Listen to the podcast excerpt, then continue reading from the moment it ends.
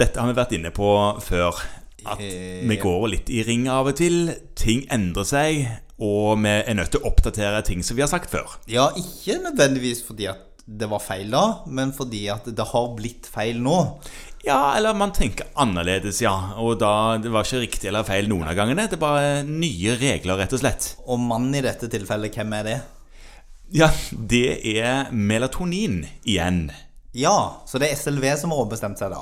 Det virker som om de har ombestemt seg igjen, ja. Og nå har det vært så mye fram og tilbake med blåresepter og individuelle refusjoner og sånne ting at melatonin eh, kan man nesten miste nattesøvnen av. Ja, og det er jo dumt, for da må man jo ta mer. Ja. Og det, altså, nå, det har vært sånn at noen av disse som er forhåndsgodkjent, de har man kunnet få på blå resept. Ja, det, det stemmer. Det er der det har skjedd noe, da. For det, det som jeg erfarer, er jo at det er stadig flere som er forhåndsgodkjent når du går på apoteket og prøver å få kjøpt melatonin. Ja, for melatonin, altså, du, Når du kjøper melatonin, så er det Før så var det cirkadin I Norge, ja. i Norge, ja. Og så var resten registreringsfritak. ja.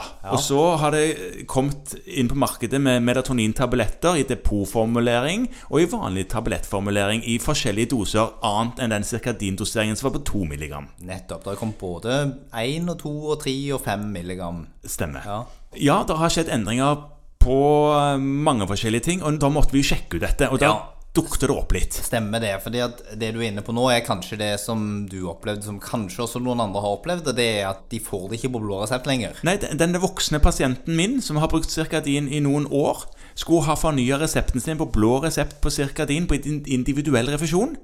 Og da kunne jeg ikke søke om det lenger, rett og slett. Nei, og nå, nå skal du høre det, det er ikke så rart du ikke har fått med deg dette, for det er sommer, og du har sikkert bedre ting å gjøre enn å sitte og lese det der nyhetsbrevet til Helfo. Ja. Men der står det faktisk det at det er kommet noen endringer. Og hvis du går inn og virkelig leser på det, Ja. så vil du se at fra 15. juli så tidsbegrenses alle vedtak til pasienten fyller 18 år. Ja. Ja. Så nå er det, det er egentlig, så hvis vi skal på en måte ikke gjøre dette veldig vondt og vanskelig, så er det som før. Altså du kan søke om melatonin på blå resept til en del pasienter, og da er det sånn at den listen siden, siden Hvis denne podkasten skal vare ikke sånn vare i tid å ta og høre på den, men ha gyldighet litt mer enn til rett etter at vi har publisert den, så, så tror jeg vi får si at hvis du går inn og leser legemiddellisten og ser hvilke det er som er godkjent, ja. så kan man søke om de, og det kan hvem som helst gjøre, fram til de er 18 år for diagnosene som ADHD, men òg primær insomni. Ja. Og så er det også et par som har forhåndsgodkjenning, men da må man være spesialist i barne- og ungdomspsykiatri eller jobbe ved en sånn avdeling. For å kunne skrive ut det. Ja. Ja. Så det er greit, men det som er problemet nå, er at i det øyeblikket de blir 18, så stopper det. Ja, da får du ikke dette på blå. Nei. Uansett. Da tenker man at da er det ikke refunderbar medisin. Da er det sovemedisin på lik linje med annen sovemedisin og skal ikke gis på blå resept. Ja. Eh, Så er det en liten festlig ting der da, hvis du går inn og ser på det, at det er et av de legemidlene som kan søkes, er Circadin. ja, så du kan søke Circadin til de som er til og med 17.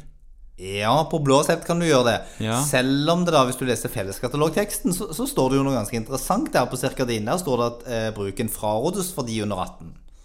Så av manglende dokumentasjon. Så, så felleskatalogen sier at dette bør du ikke gjøre. Indikasjonen er jo en grunn der til dårlig søvnkvalitet hos pasienter over 55. Ja.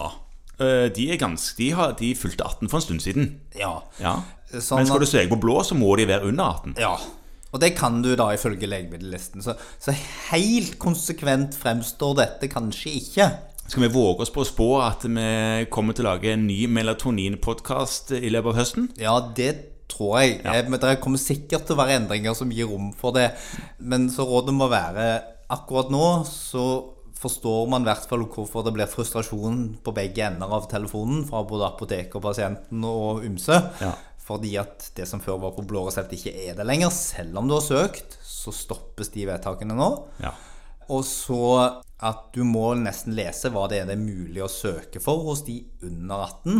Men det er da egentlig alle søvnforståelser hos de under 18 som har en varighet over tre måneder. Så for å oppsummere nå, da, så er det de som er under 18 som kan få melatoninpreparater på blå resept. Alle over 18, uansett hva diagnose de måtte ha, de kan ikke få det. De må få vanlig hvit resept hvis de skal ha melatonin. Ja, Og da vil de få det Ja, selvfølgelig. ja, på apoteket.